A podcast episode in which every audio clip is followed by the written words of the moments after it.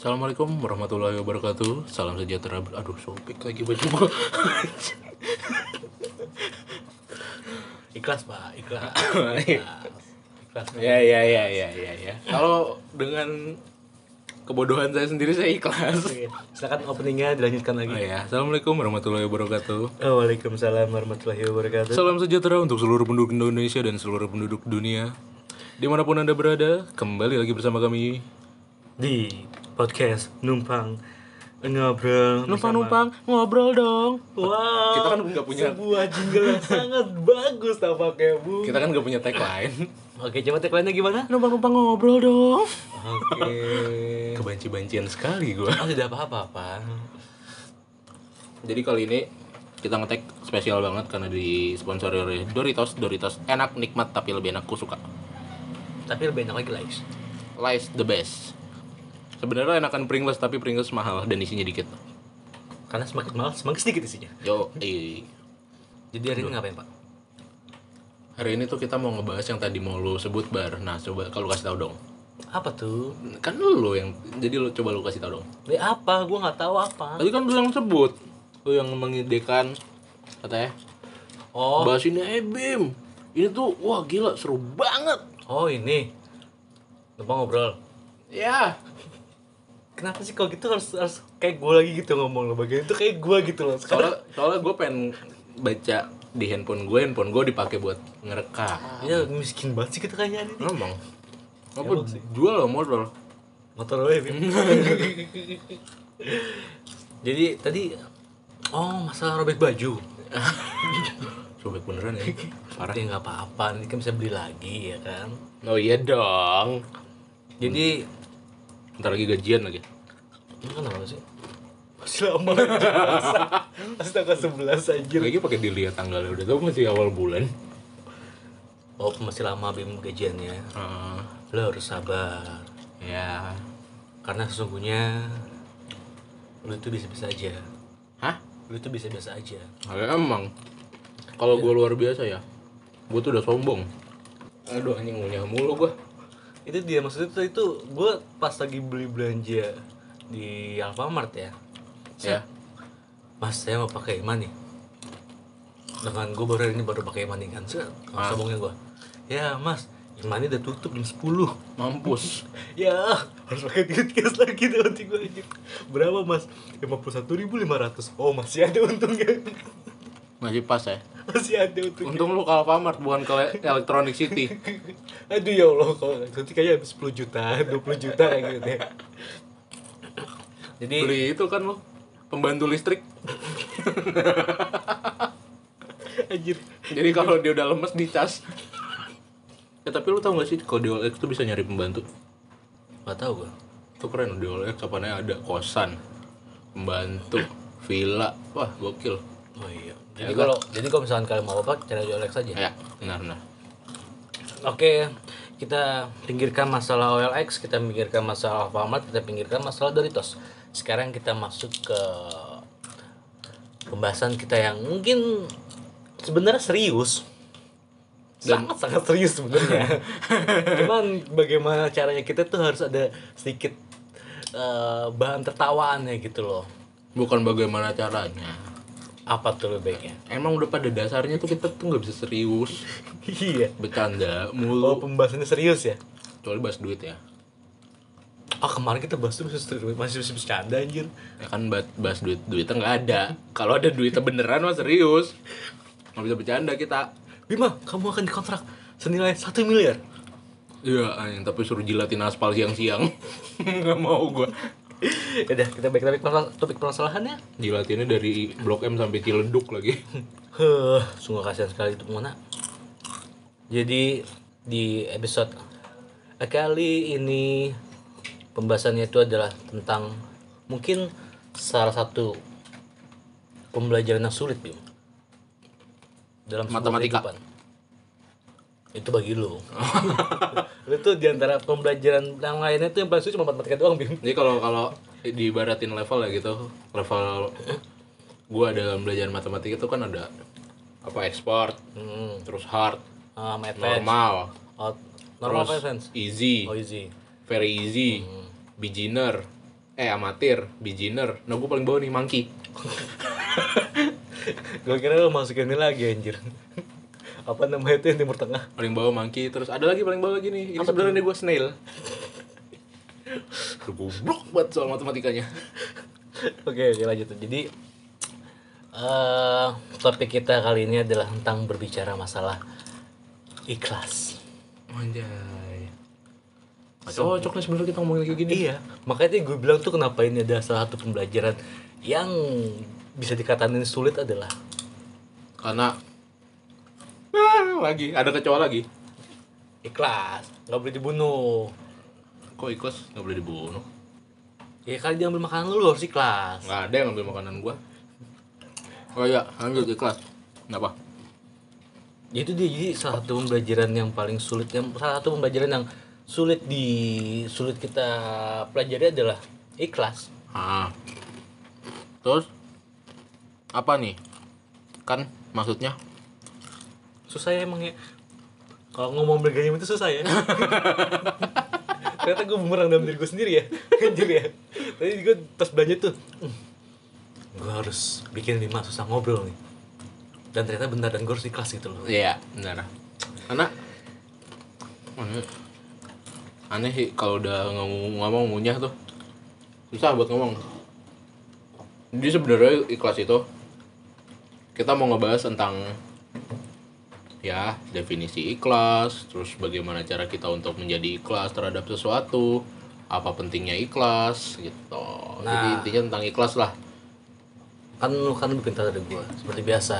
Anjing emang ingat harus ikhlas enggak ini gelasnya Oke. susah banget gue tadi nuang sampai tumpah Jadi menurut lo sebagai orang yang bodoh dalam matematika, eh sebagai pengamat K-pop ya dan aduh sebagai pecinta Litra. Doritos, Kusuka, Lies dan apalagi itu satu Lisa Lisa. Berarti lu suka motor lo dong? iyalah Ayolah. Jadi menurut lo ikhlas itu artinya apa? Ikhlas itu adalah seni untuk uh, merelakan sesuatu Agak kencengin pak, ulang pak. ikhlas itu adalah Pelan-pelan, santai. ikhlas santai. itu menurut gue ya menurut gue nih dari pandangan orang awam yang tidak tahu apa-apa yang hidup di dunia yang fana ini Wih gila. Yut. ikhlas itu adalah seni untuk merelakan sesuatu Iya. Gila, gila.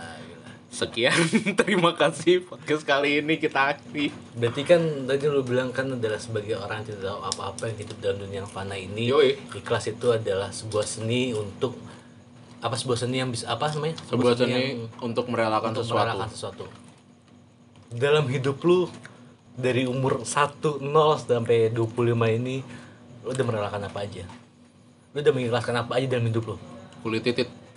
Pas disunat tuh gue rela tuh udah ya udahlah biarin emang kalau emang udah waktunya untuk pergi ya pergi silakan gitu. itu itu yang paling besar ya Ya itu itu wah bagian dari tubuh lu men. berarti ketika lu motong rambut potong kuku Yang itu, Itu- enggak soalnya dia masih bisa tumbuh lagi kan. oh tunggu lagi Kulit titit kan enggak. Itu makanya gue tuh ikhlas banget pas lagi digunting kamu mau ada perpisahan gak salam tapi kan dalam agama dalam agama kita wajib anjir Lah iya itu berarti kan gue mengikhlaskan kulit titit gue untuk dipotong. Gitu loh. itu aja Kata dokternya kan gitu, kamu ada salam-salam gak? Mau ngobrol dulu mungkin sama ini kulit titit. Kamu siapa namanya kemarin? Kulit titit gue, gue kasih nama. anjing. apa Namanya Tarjo. nah kalau tititnya Bondan. terus habis itu tawarin nggak Apa tuh? mau bawa pulang nggak Iya, gue tawarin loh serius sama dokternya. Ini mau dibawa pulang atau enggak nih? Karena gue dulu kecil tolol ya, gue bilang enggak ah gitu. Buat apaan sih? Terus gue pas udah gede mikir kan bisa buat dijadiin gantungan kunci ini, dikerasin gitu pakai air keras. berarti Makanya ntar ya? kayaknya anak gue kalau misalnya sunat tuh kulit titiknya bakal gue ambil terus gue jadiin gantungan kunci deh. bangsat sejauh itu kamu mikiranmu pak Iya. enggak berarti kita kita belum masuk ke kelas nih kita kita send kanan dulu ya Kayak kanan dulu kita bahas kulit titit aja. enggak maksudnya sebentar sebentar doang jadi selama ini para dokter-dokter itu Hmm. kira-kira menyembunyikan di mana kulit titit kita Itu itu dikubur nggak ya? itu dia Ya kan? dikemanakan lah kah bagian dari tubuh kita itu Ya buat ngasih makan anjing deh. Anjir seida itu kayak Oke. Aduh, kikil. Lempar ke anjing. Atau jangan-jangan masuk ke dalam sayur kikil. Wah. Waduh. Gue belum pernah lihat sih ada kikil yang bentuknya kayak kupluk.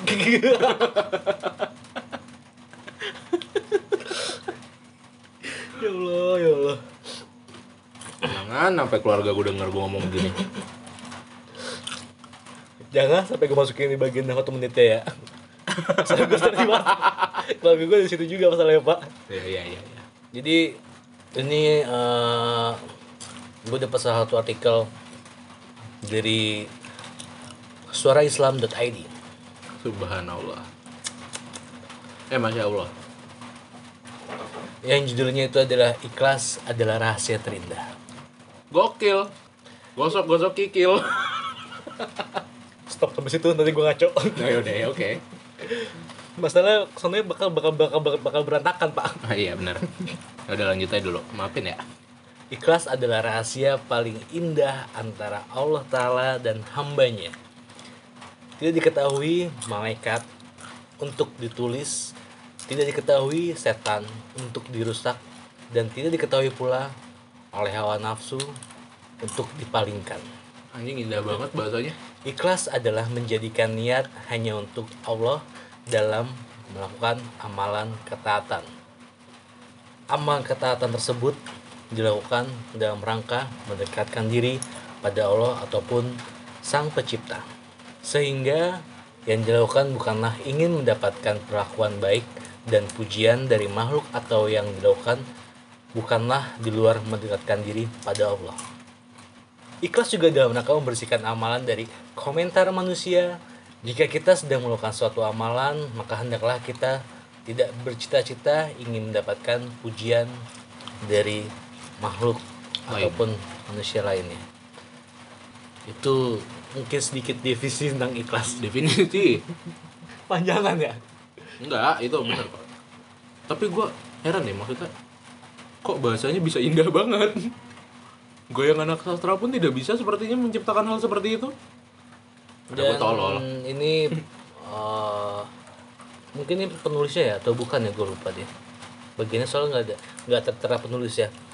Jadi penulisnya itu tadi adalah Abu Mik Abu Mikdom.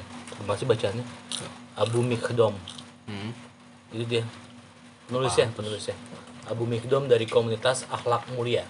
Hmm, pantas. Jauh sekali dengan saya. Jauh sekali dengan kita, Pak. Enggak saya aja. Mungkin Kita lu juga. mungkin lu lebih baik daripada gua gitu kan. Kayak kita sama brengsek deh, Pak. Enggak, enggak, enggak gua yang bego. Kayaknya lu gak mau sama temen gua kayaknya deh. Ini tuh obrolan kayak cewek muji cewek gitu. Oh. Lu cantik banget enggak kok lu yang lebih cantik. Jadi bapak enggak setelah enggak. tadi enggak setelah tadi eh gue ngucapin kata jangan jangan apa jadi apa jangan jangan apa jangan berusaha untuk mendapatkan sebuah pujian tapi saya berusaha muji bapak tidak berusaha apa untuk ikhlas bapak ya tadi ya? Enggak, gua enggak suka dipuji gua. Gila ya Allah subhanallah Karena dipuji tidak bikin kenyang. saya lebih suka dikasih makan, dikasih uang untuk beli makanan. Itu saya lebih suka. jadi menurut tuh sebenarnya cara caranya nih walaupun kita belum tentu apa belum tentu ikhlas bener-bener ya Ya, dalam setiap hal yang sering kita lakuin atau setiap permasalahan yang sering kita dapat ya ya. menurut tuh nih cara untuk uh, kita itu ikhlas dalam merelakan sesuatu hal itu gimana? Ini yang pernah gue baca ya. Cara termudahnya adalah Oh batuk cara termudahnya main keselak bumbu Doritos. ikhlas, Ikhlas. ikhlas, ikhlas. Cara cara untuk membiasakan diri ikhlas gitu menurut yang pernah gue baca adalah woi gila kecoa Wah bang, ikhlas, ikhlas, ikhlas, anjir. Ikhlas, ikhlas, oh, udah lah nggak apa-apa. Masih bisa dimakan. Ikhlas, ikhlas. katasin katasin katasin. Apa perlu kita sanitizer? nggak nggak apa-apa. Gelas gue tolong pinggirkan. nggak apa-apa. Itu kecoa cuma nginjek nginjek doang kok tadi. Enggak, enggak tahu ada virus apa enggak apa-apa dah. nggak apa-apa nggak Nggak apa-apa. Jadi lupa gue tadi. Gue tadi mau ngomong apa? Cara untuk ikhlas. oh iya cara, untuk- sederhana. cara sederhana yang bisa lo lakuin adalah gue sendiri pun belum bisa gitu kan.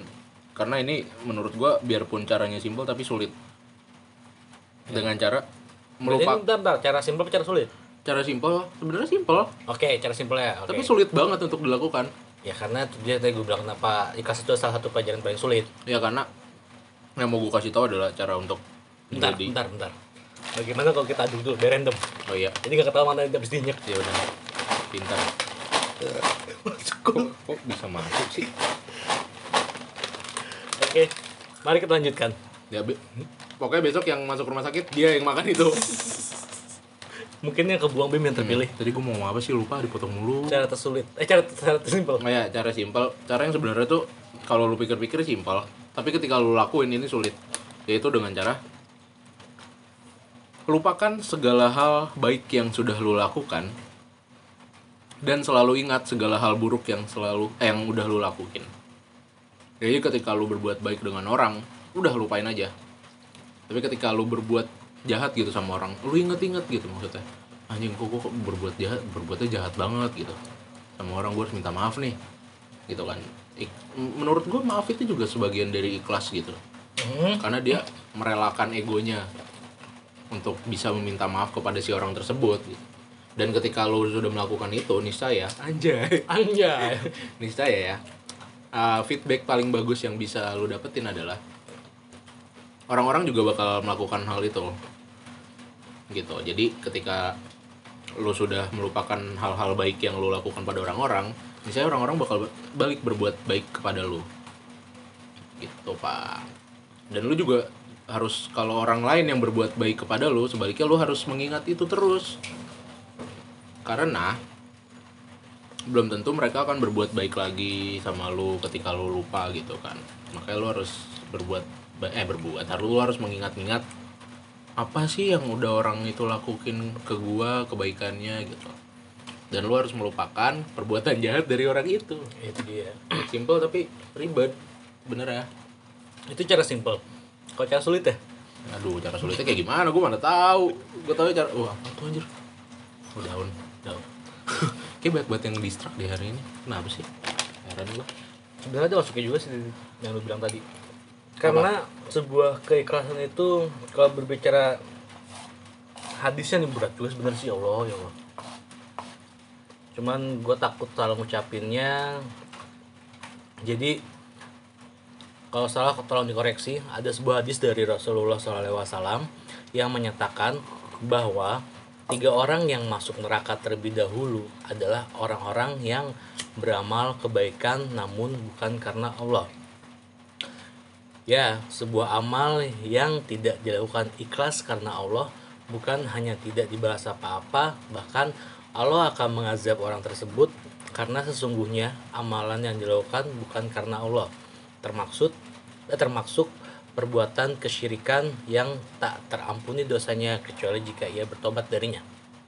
Jadi intinya kalau menurut yang tadi di lu baca ya, ketika orang melakukan sesuatu dan dia tidak ikhlas, uh, misalnya tujuannya untuk mendapatkan pujian dari manusia lain gitu, ya kan? Kalau dari segi agama, Ah, bentar, ini bukan dari agama Islam doang ya. ya kan gue bilang, oke kalau dari, dari segi, agama agama semua semua agama gitu loh. kalau dari segi agama mungkin jadi percuma apa yang lu laku, apa yang lu lakuin gitu, tidak berdampak untuk lu, tidak Iya, berdampak di akhirat kehidupan di akhirat Iya, gitu, Bang. kehidupan Maaf, Bang, selanjutnya. Mungkin mungkin masih berdampak di lu kan gitu di kehidupan lu di dunia, Iya, Bang. tapi itu tidak akan dianggap Iya, Bang. muasabah diri anda. Abang juga mau sama diri abang. ya kayak gitu kan jadi tapi emang sebenarnya ikhlas itu sulit banget pak kayak eh, lu merelakan sesuatu gitu. Misalnya entah harta entah energi entah pikiran lu untuk untuk hal yang mungkin gak dibayar gitu kan. Ya simpelnya adalah lu halus lu halus tuh. Iyalah gua kan pakai ituan citra. Skolastika aduh. Apa citra prima? Aduh. Berat. Jadi ya simpelnya adalah lu gimana caranya harus merelakan mantan lu pergi gitu loh. Untuk lu bisa move on dan melanjutkan kehidupan lu gitu loh. Ya bawa bingung Itu, ya itu, ya itu. Mari kita bakar rokok dulu. Ya itu emang sa- sa- salah satu. Ah gua aja yang bakar. Itu salah satu contoh ikhlas ya gitu kan.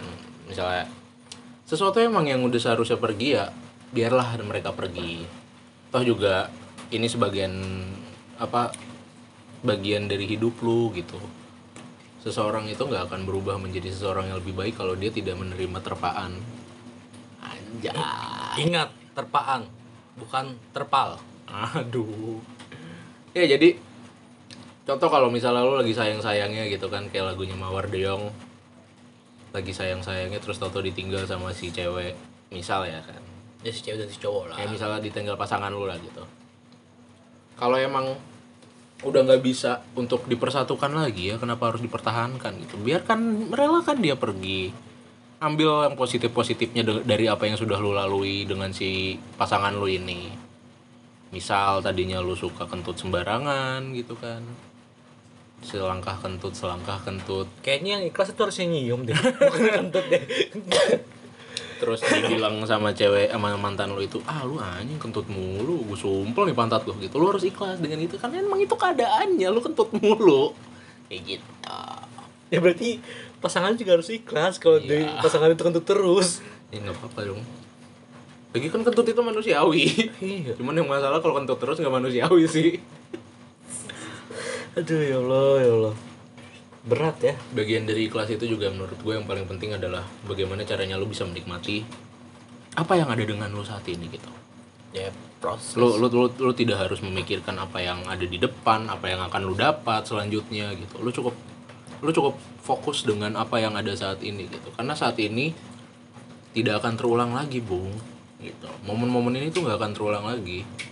Kalau kata apa sih namanya Film real life. Jagalah jaga jagalah saat-saat ini gitu kan. Karena musim panas saat ini sama musim panas tahun depan tuh pasti beda gitu loh. Meskipun sama-sama musim panas ya gitu. Cuman pasti ada momen-momen yang beda dan itu lu lu harus nikmati itu. Lu harus ikhlas dengan apa pun yang akan terjadi di depan entah buruk entah baik. Setidaknya lu sudah menjalani hal itu hari ini gitu dengan semaksimal mungkin gitu. Dan gue percaya kok ketika lu sudah menjalani hari ini dengan semaksimal mungkin lu nggak mungkin kecewa dengan hasilnya gitu. Misalnya hasil buruk juga setidaknya lu udah wah gue udah mengeluarkan effort terbaik gue nih hari ini. Nggak apa-apa lah buruk. Mungkin emang harus ada yang gue pelajarin lagi. Kayak gitu menurut gue Akbar udah ngangkat-ngangkat tangan nyuruh gue ngomong mulu tapi gue udah habis. Gitu.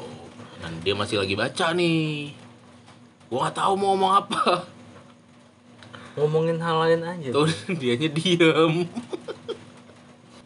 Oke, jadi ini tadi kan lu bilang eh, gimana caranya untuk eh, ikhlas, merelakan dan bla bla bla lainnya, ya kan? Jadi ketika lu ikhlas itu ada sebuah manfaatnya, Bim. apa tuh apa tuh nah, keluar Kayaknya kan wow, keluar kan wow. Yang pertama itu adalah ketenangan yang lu dapat. oh iya. Benar juga. Jadi ketika lo ikhlas tuh batin lu tuh lebih tenang gitu. Batin dan pikiran lu tuh jadi lebih tenang karena nggak ada hal-hal yang nggak penting yang lu pikirin gitu. Lu jadi bisa tidur nyenyak makan enak. Tentunya kalau lu punya uang ya. Kalau lu nggak punya uang sih susah buat makan enak. Makan ya pasti ya walaupun makan saja juga tetap enak, Bim. Iya kan tetap harus belinya pakai uang Iya sih. gue bilang kalau dalam kondisi tidak punya uang paling makan itu apa namanya cah rumput jadi rumput kita bikin makanan gitu kayak cah kangkung tapi bahannya rumput Gue mikir dulu, cah, cah, cah, cah.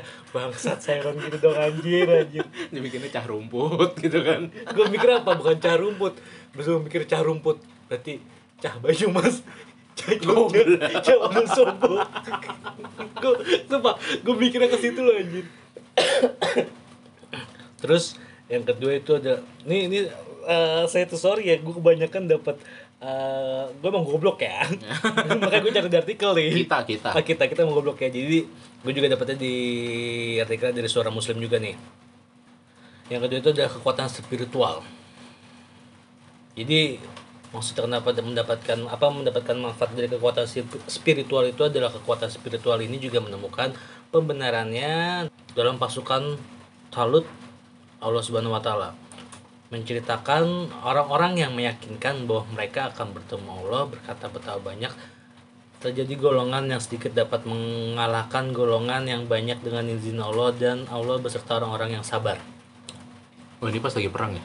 Iya, tadi kan ini pasukan kayaknya gitu deh. Itu dari surat Al-Baqarah ayat 249. Hmm. Yang bawahnya sama, Pak. Mau baca gue baca semuanya. Jangan dong. Kalau menurut lo sendiri kelas tuh apa sih bar? Kamu tahu sendiri. Apa? Aku menjawab. Ya udah gak usah jawab. Selesai. apa ini bikin podcast nggak mau ngejawab? Pasti jawabannya sama sih, Bim. Enggak juga lah. Siapa tahu kan lu punya pandangan yang berbeda dengan gua.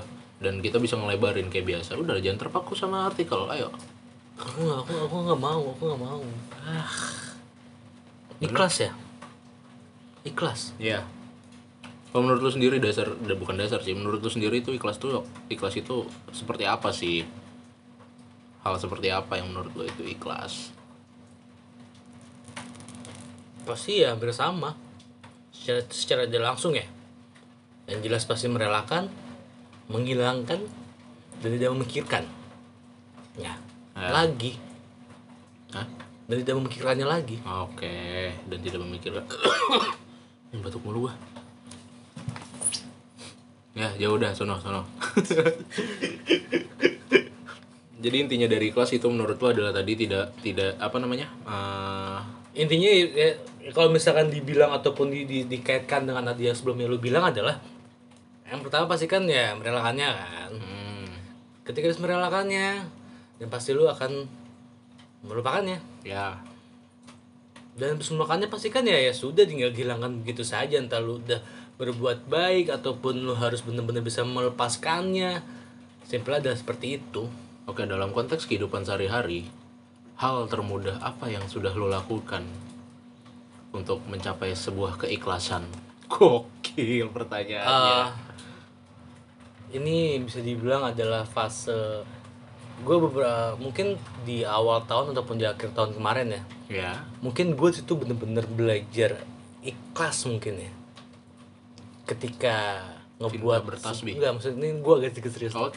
Serius. Gue gak boleh bercanda berarti, maaf ya. Jadi ketika sudah ngebuat sebuah ya namanya setelah uh, lulus dan ingin memiliki penghasilan Ah, dan tidak ingin terikat terhadap kontrak pekerjaan dalam sebuah perusahaan. Hmm, dan akhirnya gue ngebuat uh, sama teman-teman gue ngebuat sebuah uh, usaha. Ya, berjalan lancar berjalan lancar sebulan setahun hingga akhirnya mentok di tahun kedua. Hmm, dan akhirnya di tahun kedua itu bener-bener berubah seadanya hmm. setelah berubah seadanya Berubah dalam hal apa nih? maksud maksudnya kan tadi yang tadinya pemasukan ada misalnya kita pemasukan pemasukan Ah, iya, ada iya, iya. segala macam ada ya kan nah akhirnya pada tahun kedua bener-bener udah nggak ada yang bisa mikirin gimana caranya untuk dapat masukan di usaha tersebut Hmm, ya akhirnya ya keluar satu keluar satu ngambil jalur sendiri lagi Hmm. ngambil jalur sendiri lagi melupakan apa yang sudah direncanakan di awal. Dan gue tuh pribadi orang yang selalu mikirin orang dulu baru gue. Hmm, dan akhirnya ya ketika gue mungkin itu ada sebuah kesalahan gue kan ibaratnya kayak memikirkan memikirkan orang lain dulu baru memikirkan gue kan.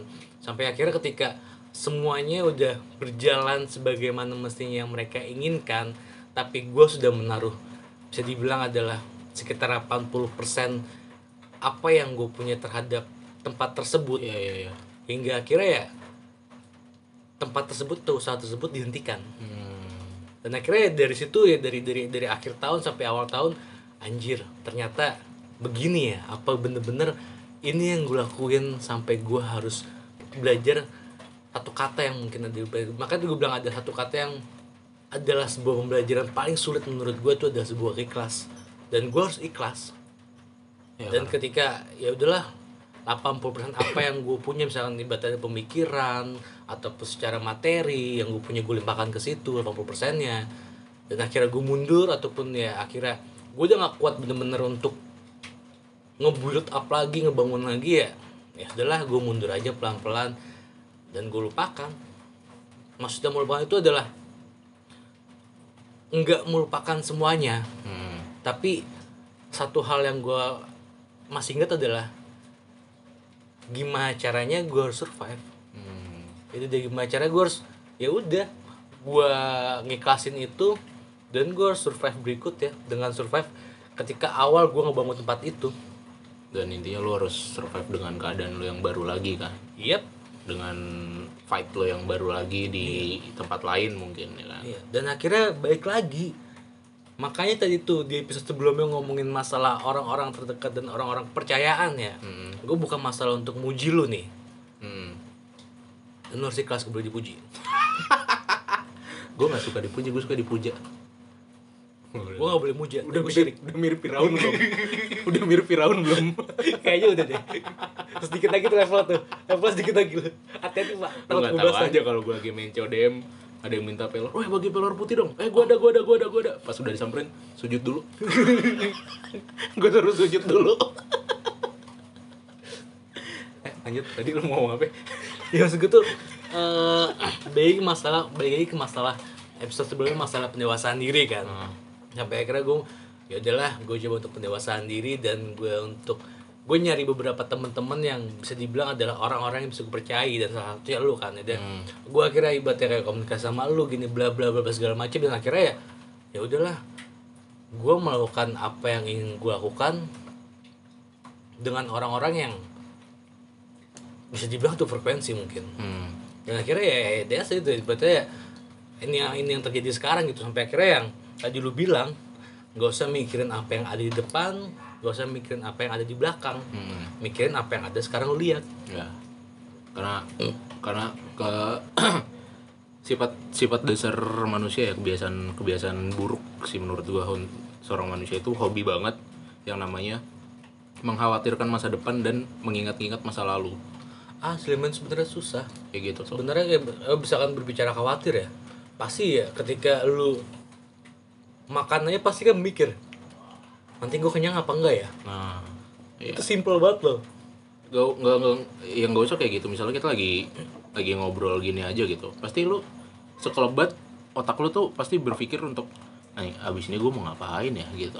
Jangan kan abis ini mau ngapain Bim? Abis ini gue mau ngomong apa ya? Gitu mah wajib kita tuh nggak nggak pernah sadar dengan apa yang ada saat ini gitu. Otak kita tuh nggak pernah hadir saat ini juga gitu. Jadi berarti sebenarnya. otak kita absen terus ya? Iya otak. Dia sakit. Apa alpa deh? Alpa alpa Alpa. alpa deh alpa alpa midi. Otak kita tuh selalu selalu suka banget yang namanya nginget-nginget masa lalu. Bahkan ketika kita lagi diem gitu kita lagi beraktivitas ya lagi nyapu misalnya gitu. Terus tahu-tahu keingetan "Eh, yang dulu enak banget ya pas gue masih sekolah gitu.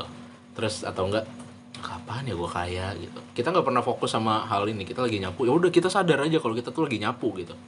Ya itu tuh yang yang, yang paling sulit dari apa namanya Ah, salah satu mungkin itu masih bagian dari keikhlasan juga kali ya. Dengan kita hadir saat ini dan melupakan masa lalu dulu dan tidak mengkhawatirkan masa depan gitu. Mungkin itu rumus mungkin.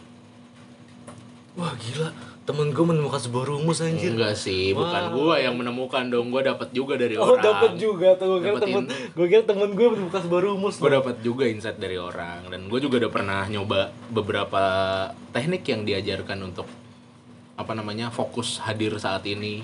Dan ikhlas dengan masa depan yang akan terjadi ikhlas dengan masa lalu yang sudah terjadi. Itu salah satunya dengan cara bermeditasi. Gitu. Nah persepsi orang yang salah adalah meditasi orang-orang menilai meditasi itu meditasi itu bukan turunan dari vektasi Hah? Bangsat. Gue lagi ngomong serius. Anjing yang. Enggak dong. Jadi meditasi itu orang-orang juga banyak yang menyalahartikan, Bung, menurut beberapa orang gitu. Orang-orang orang-orang kebanyakan beranggapan kalau meditasi itu kita harus duduk, mengosongkan pikiran, ya kan?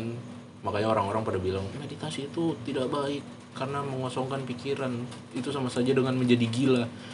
itu kata siapa? Itu banyak orang yang bilang kayak gitu. Persepsi itu persepsi yang salah. Sebenarnya bukan mengosongkan pikiran tapi fokus dengan keadaan saat kini gitu. Jadi ketika lu bermeditasi cara terbaiknya cara termudahnya ya sorry. Cara termudahnya adalah dengan duduk diam ya kan? Lu nggak mikirin masa depan lu nggak mikirin masa lalu lu fokus aja sama diri lu sekarang. Setiap tarikan nafas lu lu fokus. Setiap hembusan nafas lu lu fokus. Kalau lu tuh lagi menghembuskan nafas kayak gitu. Tapi nggak terakhir kan?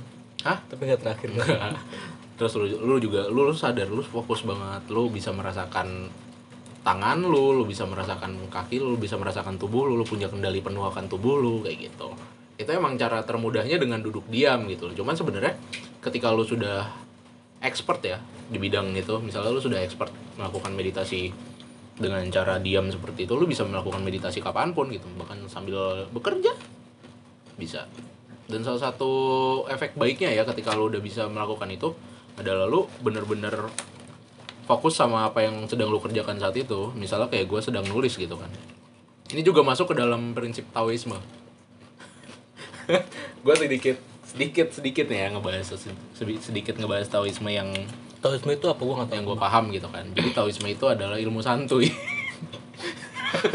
Banget serius. Iya, iya. jadi Taoisme itu adalah ilmu santuy ilmu yang tidak apa maksudnya eh, sesuatu yang ilmu yang tidak memikirkan tentang masa depan tidak mengingat-ingat masa lalu dan lu hanya fokus pada apa yang terjadi sekarang gitu jadi intinya ya emang kayak sama juga kan kayak ikhlas gitu kan. Jadi ya udahlah yang di depan hal-hal buruk yang akan terjadi di depan ya udah terjadilah gitu. Gue udah siap gitu. Udah Jadi- ikhlas. Intinya adalah ketika lu sedang melakukan sebuah proses ikhlas harus santai. Ya hidup hidup kan hidup suruh kecil banget tadi ya? Gak apa-apa ntar kan lu bisa bisa lu gedein. Jadi harus santai.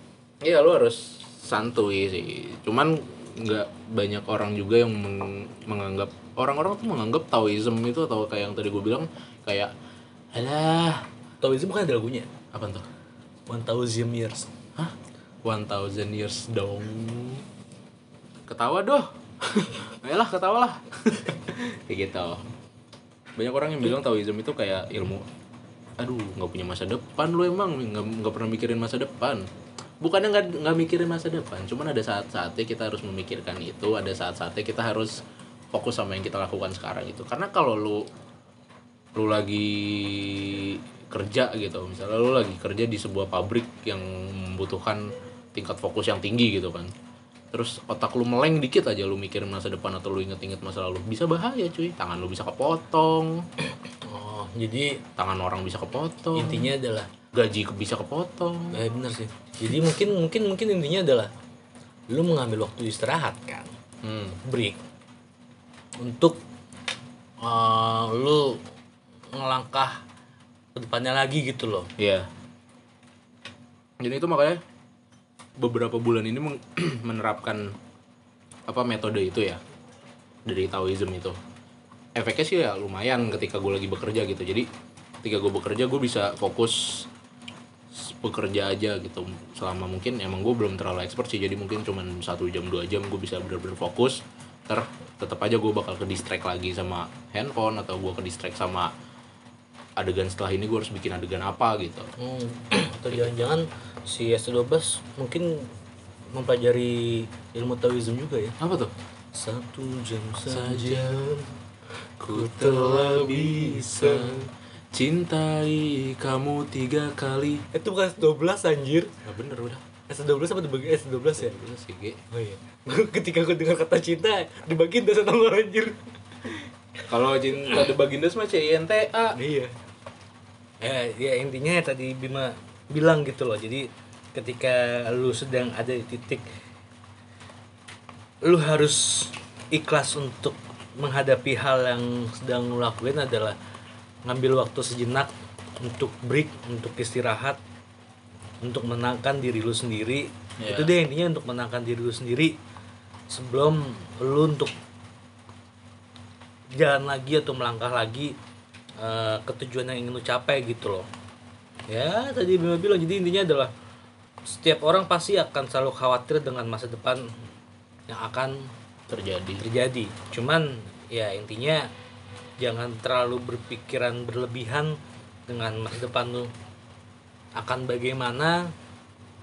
Jadi ya berpikirlah tentang apa yang sekarang sedang lo hadapi. Seperti Bima yang menganalogikannya dengan ketika lo sedang nyapu. Yo Aduh, anjing leher gue sakit. Jadi ikhlaslah ketika lu sedang dalam eh, ketika lu sedang mendapatkan sebuah permasalahan. Dan jangan lupa mungkin cara Bima mungkin sedikit berhasil mungkin ketika yang lu coba. Yang harus menenangkan diri. Ya.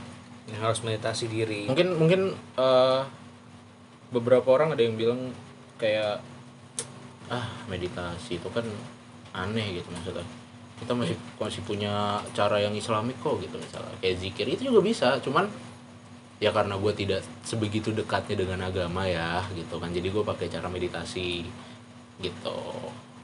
Kalau mungkin lu kalau misalnya sebenarnya kan meditasi eh zikir itu juga mungkin hampir sama dengan meditasi karena lu hanya fokus dengan apa bacaan zikir lo itu lu fokus dan tidak memikirkan hal lain gitu. Intinya khusyuk ya kan? Iya dan ibaratnya dan juga jadi bisa juga yang ngelakuin ya bukan untuk diri lu sendiri gitu loh Mm. Intinya gitu doang kalau untuk zikir ya Ya. dia kan untuk untuk ibaratnya tadi kan yang pernah tadi apa yang pernah tuh yang tadi gue sampaikan eh, kalau misalkan kalian adalah agamanya Islam jadi lakukanlah segala sesuatunya untuk Allah Taala gitu Ya. kan. dan kalau misalkan kalian non Islam ya melakukan sesuatunya itu itu didasari atas kepercayaan kalian masing-masing gitu loh. Simpelnya sih seperti itu. Jadi ya emang berat sih anjir. Sebenarnya emang berat. Cuman ketika lu udah melewati fase-fase lu harus belajar ikhlas itu nikmat banget. Makanya Ya. kan artikel tadi kan berjudul ikhlas adalah rahasia terindah. Yoi. Nah, kalau bisa gue bilang ya orang-orang yang udah sampai ke tahap dia bisa ikhlas dengan apa pun yang terjadi gitu itu mereka setiap ngadepin masalah tuh santuy banget gitu. iya. Tapi Jadi- ingat waktu itu tuh nggak sebentar untuk menghadapinya. Hah?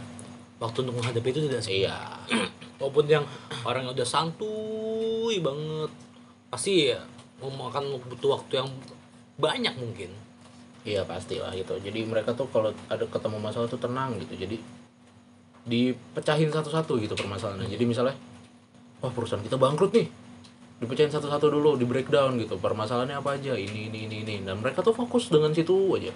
Nggak panik dengan apa namanya yang paling gue yang paling sulit itu adalah ketika kita menda- mendapatkan satu permasalahan gitu. Simpelnya aja adalah lu mau jalan dari pejaten ke eh, menteng misalnya. Gitu ya kan? Iya pak. Ini naik apa pak? Motor. Naik motor. naik motor. Lu bisa Iya. jalan pakai helm dulu nggak? Pakai lah. Pakai- masker ya sekarang ya? pakai. Oke misalnya analoginya adalah lu mau mau pergi gitu dari pejaten ke menteng itu kan bisa lu bisa lewat dari ngambil jalan kuningan bisa ya kan? Lu mau lewat pancoran juga bisa lu mau lewat cawang juga bisa. Kalau ngambil rumah gue dulu bisa nggak? Jauhan dong muter. Nah yang yang orang banget orang suka banget itu adalah ketika lu udah ngambil satu jalan nih tak misal lu lewat kuningan terus ketemu macet atau enggak ban lu bocor atau kecelakaan gitu. Mereka tuh pasti hal pertama yang bakal dipikirin adalah anjir coba aja gue lewat cawang pasti nggak bakal kena macet nih. But who knows? Hidung siapa? Who knows? Hidung siapa? Who nos, knows? nos yang buat balapan mobil. Iya bisa nitro gue mau nyebut lagi panjangannya cuma gue lupa anjir bangsat. Nitrogen aus oh sistem. Ya jadi kan siapa yang tahu gitu ketika bisa aja kan lu lewat apa kuningan macet terus lu menyesal dan lu ah coba aja gue lewat pancoran tadi. Bisa aja lu pas lagi lewat pancoran gitu lu ketiban patung pancoran gitu pancorannya jatuh. Langsung pancorannya jatuh terus lu ketiban gitu kan atau kalau misal lu lewat cawang lu dibegal gitu kan dipalak gitu kan bisa aja nggak ada yang tahu gitu. Iya, sebenarnya jadi apa dulu deh? Jadi ya ikhlas aja gitu menerima keadaan yang sedang lu hadapi Iya. sekarang gitu. Jadi- biarpun sulit gue yakin itu tuh pasti jalan terbaik untuk lu gitu. Jadi ya sebenarnya adalah eh, ketika lu udah memilih satu jalan pasti akan selalu dihadapi dengan sebuah permasalahan yang Iya. baru. Itu dan tadi gue menyambung kata Bima yang terbaik sebenarnya gue mau nyanyi anjir. Oh gitu? Iya. Yang terbaik selamanya bersama akan ku gantungkan ya ampun digantungkan lagi dong. Cintamu selamanya. Jadi itu buat kalian kisah gue. Wah ampun jangan dong. dinyanyiin dong. Oh, huh. jadi jadi gue ikhlas harus menerimanya. ikhlas menerimanya. Setiap kalian sedang menghadapi masalah dalam kehidupan, mau masalah itu mudah dilewati ataupun sulit dilewati, pasti akan ada jalan. oh kalau bahas kalau kata bahasa Jawanya tuh legowo. Ah iya, legowo. legowo. Itu kalau kata bahasa Jawanya, kalau bahasa Yunaninya? Okstang tulai namanya Okstang tulai gitu. Artinya apa tuh? iya itu ikhlas Okstang tulai Ingat, apa jangan menyebarkan rumor, jangan menyebarkan data-data fakta, apa data-data yang nggak fakta. orang juga tahu lah setiap perkataan yang keluar dari mulut gue yang bercanda sama yang enggak juga ketahuan lah udah lah. Tahu lah mereka lah. Orang pendengar kita dua. Lu sama gue Kita harus ikhlas. ikhlas gue gue emang sebenarnya kan tujuan gue menciptakan podcast.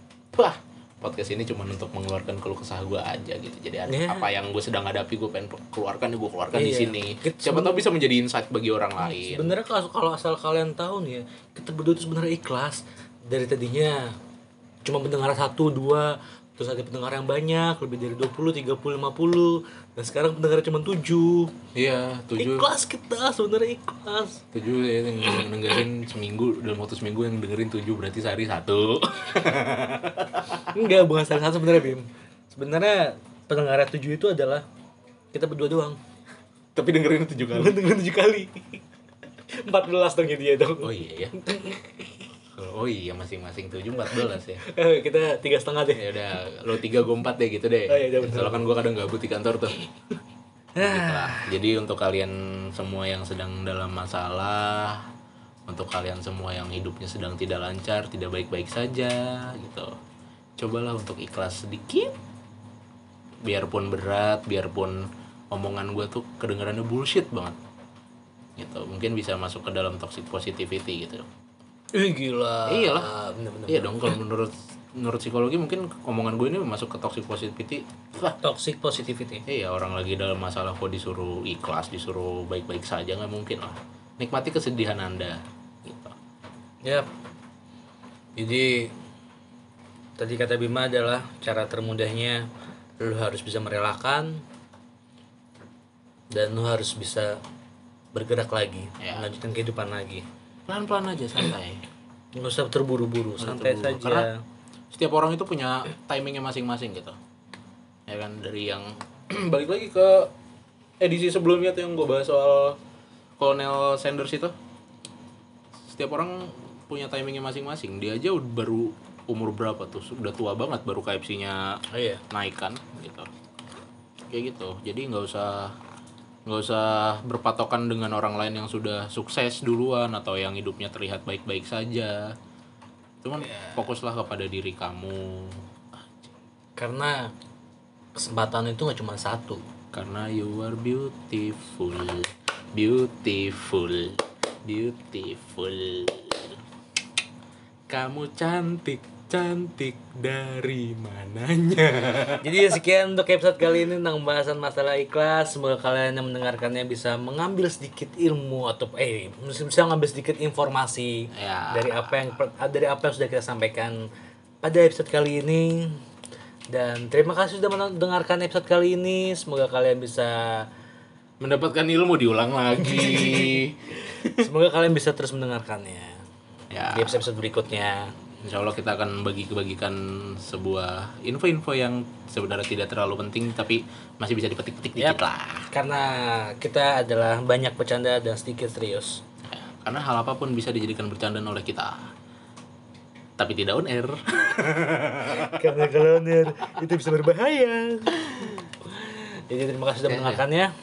ya, Sampai jumpa di episode berikutnya. saya mau makan Doritos yang diinjek-injek kecoa dulu. Bangsat. Dadah, bye bye. Assalamualaikum warahmatullahi wabarakatuh. Oh, gila bijak sekali gue.